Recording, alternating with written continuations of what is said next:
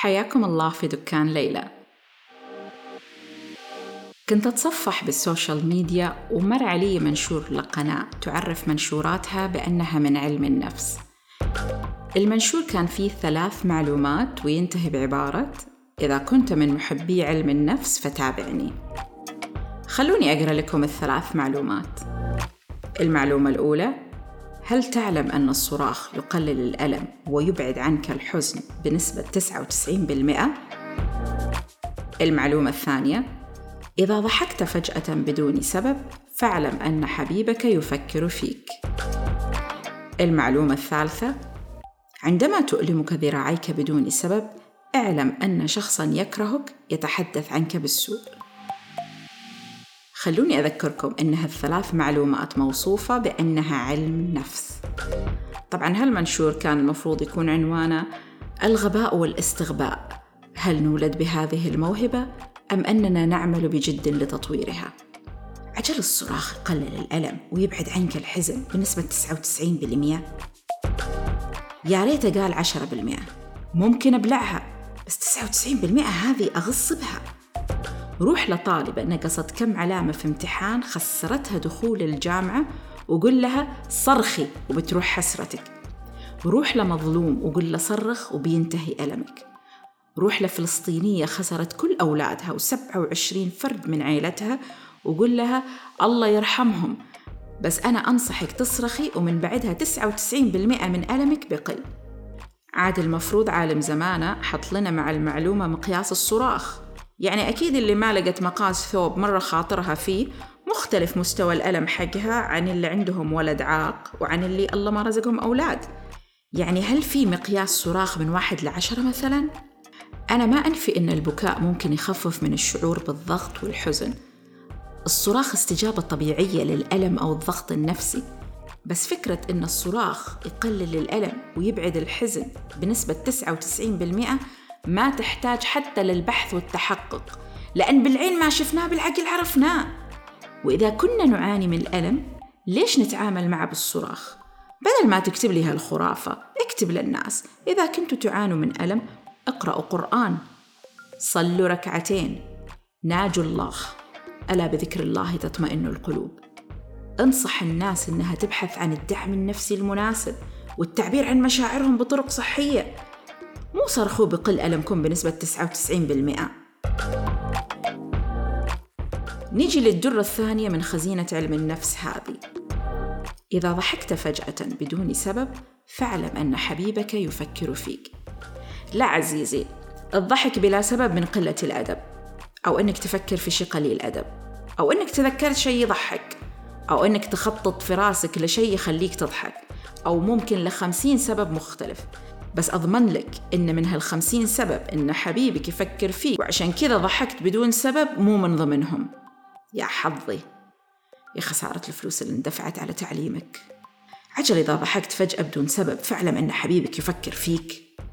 خاطري أسأل نابغة زمانة. وعفوا أني أستخدم صيغة المذكر وهي ممكن تكون أنثى بس ما علينا. نرجع للسؤال اللي أبغى أسأل نابغتنا عنه. هل لاحظت نفسك تضحك بدون سبب؟ وقررت من نفسك أن أكيد في أحد يحبك وفكر فيك لأنها التبرير أسهل من أنك تحجز لنفسك موعد في عيادة نفسية؟ أو هل أنك تحب شخص وما تدري هل هالشخص يحبك وفكر فيك فسمعت هالخرافة وقررت تصفها بأنها علم نفس بدل ما تتواصل بشكل مباشر وصريح مع الحبيب عشان تفهم مشاعره وأفكاره؟ وصلنا لمعلومتنا النفسية الثالثة عندما تؤلمك ذراعيك بدون سبب اعلم أن شخصا يكرهك يتحدث عنك بالسوء. يا عزيزي ألم ذراعيك يمكن من الخيابة والكسل؟ لأنك قاعد طول اليوم تألف أو تجمع خزعبلات بدل ما تتحرك. يعني يمكن عضلاتك ببساطة تألمك أو عندك مرض لا سمح الله. أو يكون السبب نفسي. يعني لو ألمتك ذراعك روح مستشفى أو عمل رياضة. مو تتبلى على الناس وتقول أحد يكرهني وحش فيني وحاسدني لأني أؤكد لك. ما حد بيحسدك. الناس تلاقيها كاسر بخاطرهم على هالعقلية. طبعا ممكن أحد يقول طيب منشور غلط. ما له داعي نسوي عليه الليلة في داعي. لأن أولا أنا تسليت وأنا أسويه الليلة وثانياً كلنا نشوف إن البعض سهل يتأثر ويصدقوا. وثالثاً لأني تسليت وأنا أسويه الليلة. طبعا صاحبنا ممكن يكون من اللي يصدقوا هالأشياء بسهولة. يمكن نشرها مو لأنه غبي بس لأنه عنده مشكلة نفسية. في هالحالة الله يشفي. بس يا ريت لو ما ينشر أصلا. نشر المعلومات المغلوطة فيه تشويه للحقيقة وإعطاء صورة غير حقيقية للمواضيع.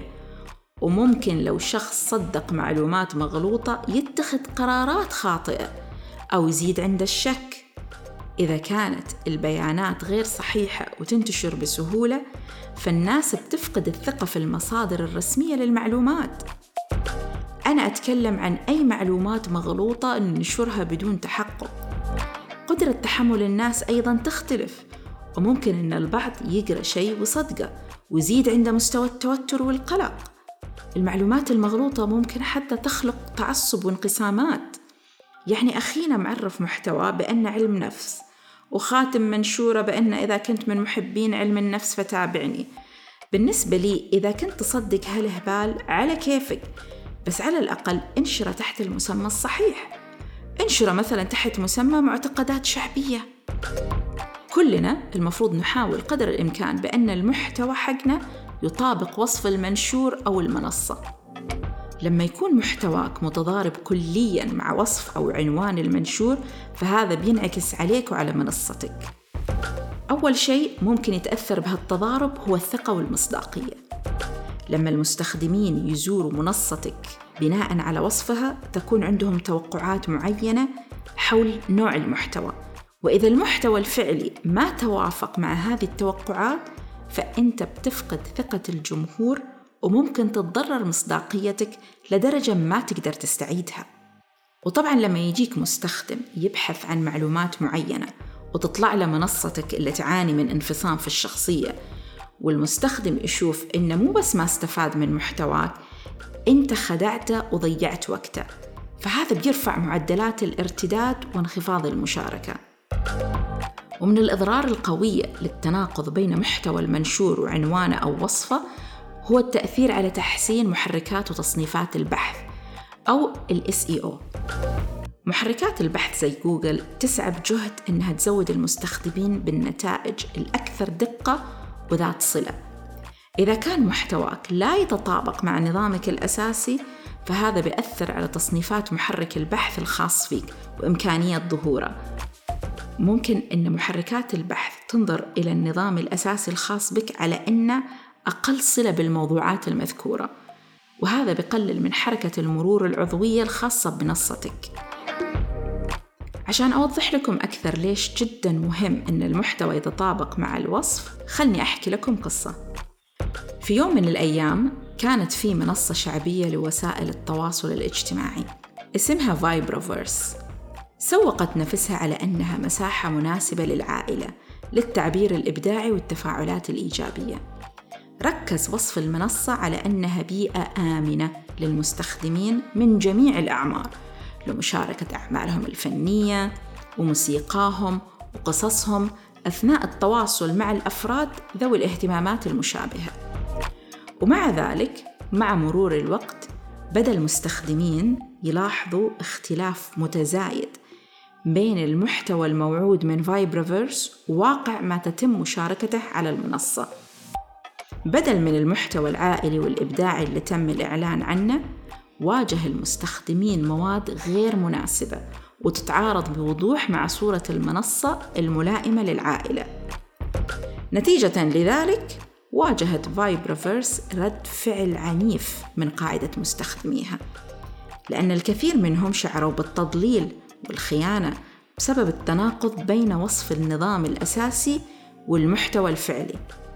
العائلات والأفراد اللي انضموا إلى المنصة بحثا عن مجتمع آمن وداعم أصيبوا بخيبة أمل وبدأوا في التخلي عن Vibraverse لصالح منصات أخرى تتوافق بشكل أفضل مع توقعاتهم. كانت التداعيات سريعة وشديدة بالنسبة لفايبرافيرس المعلنين اللي انجذبوا في البداية إلى الصورة الإيجابية للمنصة سحبوا دعمهم. وهذا أدى إلى انخفاض حاد في الإيرادات. بالإضافة إلى ذلك أدت التغطية الصحفية السلبية إلى تشويه سمعة المنصة. وهذا صعب جذب مستخدمين جدد. في النهاية أدى فشل فايبرافيرس في الوفاء بوعدها بتوفير بيئة إبداعية وصديقة للعائلة إلى خسارة كبيرة في المستخدمين والإيرادات والثقة. سقوط هالمنصة يعد بمثابة قصة تحذيرية ويسلط الضوء على أهمية ضمان توافق المحتوى المنشور مع وصف المنصة ووعودها. بذكر بشكل سريع منصات أخرى تضررت لنفس السبب. Vine واجهت خدمة استضافة مقاطع الفيديو القصيرة مشاكل لما ظهر محتوى غير مناسب. وما يتبع هدف الموقع الأصلي كمنصة لمقاطع الفيديو القصيرة الإبداعية والمسلية.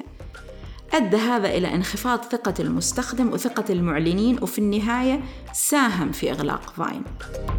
وعندنا MySpace كانت هالشركة ذات يوم منصة رائدة للشبكات الاجتماعية وكانت تكافح من أجل الحفاظ على تجربة مستخدم إيجابية وجودة المحتوى.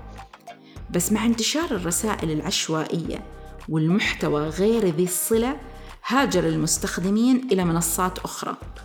وتسبب هذا في انخفاض كبير في عدد مستخدمين MySpace ياهو at yahoo.com كانت ياهو قوة مهيمنة في الأيام الأولى للإنترنت لكنها واجهت تحديات لما كانت تكافح من أجل تحديد هويتها. والحفاظ على تجربة مستخدم إيجابية. هذا الافتقار بالتركيز وعدم التطابق بين العروض وتوقعات المستخدمين ساهم في تراجع ياهو عشان كذا كلنا لازم نتأكد من أن محتوانا ملتزم بوصف المنشور أو المنصة. يعني ما توصف منشورك على أن علم النفس وبعدين تكتب لي عندما تؤلمك ذراعيك بدون سبب اعلم أن شخصا يكرهك يتحدث عنك بالسوء. لأن هذا ببساطة كلام فاضي.